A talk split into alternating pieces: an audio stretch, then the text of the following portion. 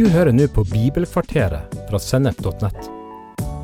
Bibelkvarteret er én kvarters påfyll i hverdagen fra Guds ord, både til inspirasjon og introduksjon til viktige tema i Bibelen. Du vil også finne mer stoff på Sennep.nett som gir deg inspirasjon til å følge Jesus i hverdagen. Følg oss på Facebook og Instagram, og abonner på våre podkaster i Spotify, iTunes, Google Podkast, YouTube eller i den podkastappen som du bruker.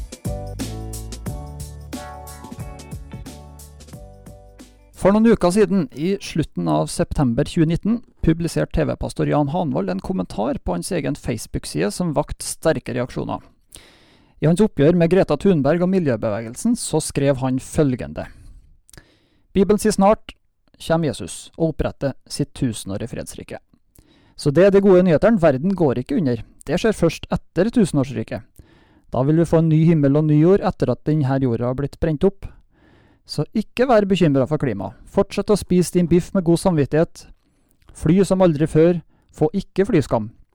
Og kjør bil som alltid. Husk, det står alltid et tog. Så skal du komme fram, bruk bilen. Og fryd over livet. Da sier jeg bare halleluja, så går livet videre. Han kan jo si mye om dette her, men uh, Hanvold gir jo her uttrykk for et syn på endetida, hvor han bruker Bibelen for å underbygge sitt syn. Og før jeg sier noe om eh, hva vi mener om hans syn, så skal vi gi Hanvold rett i én ting. Og det er at spørsmålet om hvordan verdenshistorien utvikler seg, og hvilken framtid vi skal innstille oss på, har enorm betydning for hvordan vi bør leve nå. Bibelens syn på endetida påvirker i høyeste grad dagsaktuelle spørsmål. Det berører f.eks. hvordan vi forholder oss til Greta Thunberg og miljøbevegelsen. Skal vi ta vare på skaperverket, eller skal vi heller vente på at alt går under og en ny himmel og en ny jord skal komme? For det andre berører også Bibelens syn på endetida hvordan vi forholder oss til samfunnsutviklinga, og hvilket samfunn vi skal ha i Norge de neste 50-100 årene. Er arbeidsledighet, fattigdomsbekjempelse og demokratiets framtid egentlig saker vi som kristne bør bry oss om? Eller handler det egentlig om at vi bare skal gi folk en frelsesbillett til himmelen, og så får vi overlate mer jordiske problemstillinger til andre? For det tredje berører eh, Bibelens syn på endetida også synet vårt på bistand og hjelpearbeid i den tredje verden.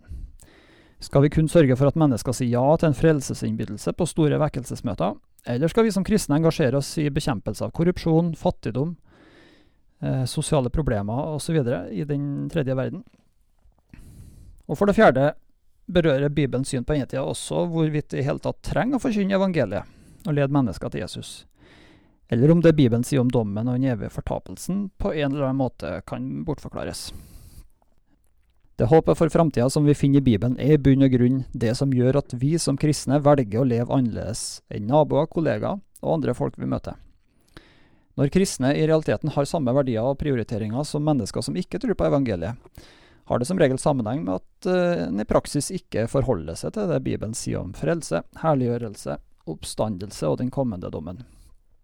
Johannes gir uttrykk for det her i første Johannesbrev når han skriver følgende.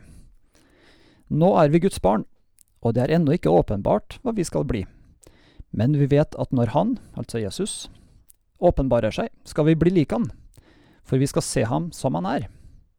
Enhver som har dette håp til Han, renser seg, slik Kristus er ren. Vi i Sennep tror at det er et enormt behov for grunnleggende kunnskap om hva Bibelen sier om endetida blant kristne i Norge i dag. Derfor publiserer vi nå en serie med sju episoder på ca. 15 minutter, som vi har kalt Håp for verden, laga av Erling Tu. Han er forfatter og bibellærer, har over 50 års erfaring som forkynner og pastor, både fra pinsebevegelsen, Saronsdal og Kristent som han er en av grunnleggerne av. Sommeren 2019 ga han ut boka 'Endetida og Jesu gjenkomst i lys av Bibelen', og denne serien er inspirert av stoffet i den boka. I bokanmeldelsen av Johannes Kleppa i avisen Dagen så mente Kleppa at Erling Thu var altfor optimistisk i sitt syn på endetida, og at han hadde for stor trua på hva misjon Han Helligånds gjerninger faktisk kan utrette. I de sju episodene Erling har laga, så begrunner Erling hvorfor det er grunn til å være relativt optimistisk med tanke på tida fram mot Jesu gjenkomst. I første episode forteller Erling Thu om hva slags forkynnelse han møtte på bedehuset og i pinsebevegelsen, og hvordan han ser på det her i dag. Videre er han innom flere viktige bibelske begreper i serien, som håp, Guds rike, gjenopprettelse eller gjenreisning, samt det Bibelen sier om den nåværende og den kommende tidsalder, fra det greske ordet aion, som er et viktig begrep. Og I tillegg så snakker han om det som står i Romerbrevet kapittel 9 11, hvor Paulus eh, omtaler Guds frelsesplan for jødene. Så sjøl om Erling ikke utbroderer sitt syn på klima, bistandsarbeid og samfunnsengasjement i denne serien, så danner episodene hans et viktig grunnlag for å bedre forstå de store linjene i hvordan Gud griper inn i historien, og ut fra det kunne vurdere dagsaktuelle spørsmål i lys av det Bibelen sier. Vi i Sennep.net deler ikke Hanvold sitt syn på endetida.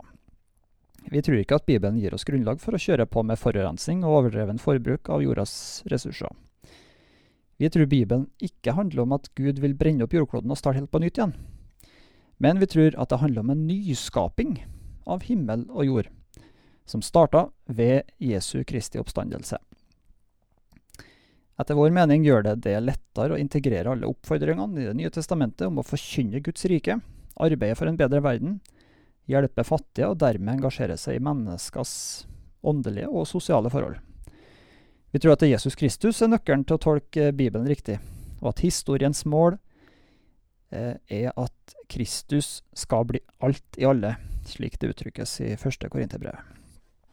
Vi har lyttet denne serien Hopp for verden av Erling Thu, basert på boka han ga ut håper vi at du skal få mer kunnskap om endetida, slik at også du oppdager at vi som kristne har grønt lys til å forkynne evangeliet og arbeide i Åndens kraft for at verden skal bli slik Gud tenkte da han skapte den. Vi håper at du vil eh, lytte til denne serien, og at du gjerne får lyst til å kjøpe boka til Erling, enten du deler hans syn eller ikke. God fornøyelse.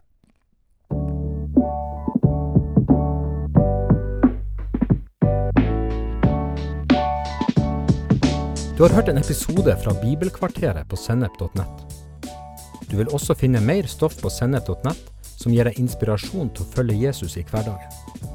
Innholdet på Sennep er gratis og tilgjengelig for alle, takket være økonomisk støtte fra kristent nettverk, menigheter og enkeltpersoner. Du kan også hjelpe oss ved å be for oss at vi skal forkynne ordet med frimodighet. Ved å dele innholdet vårt med venner og bekjente ved å rate podkastene våre på iTunes eller i podkastappen som du bruker. Eller ved å gi en engangsgave på VIPS. VIPS nummer 546668. 68. VIPS nummer 546668. Takk for at du lytter til sennep.nett.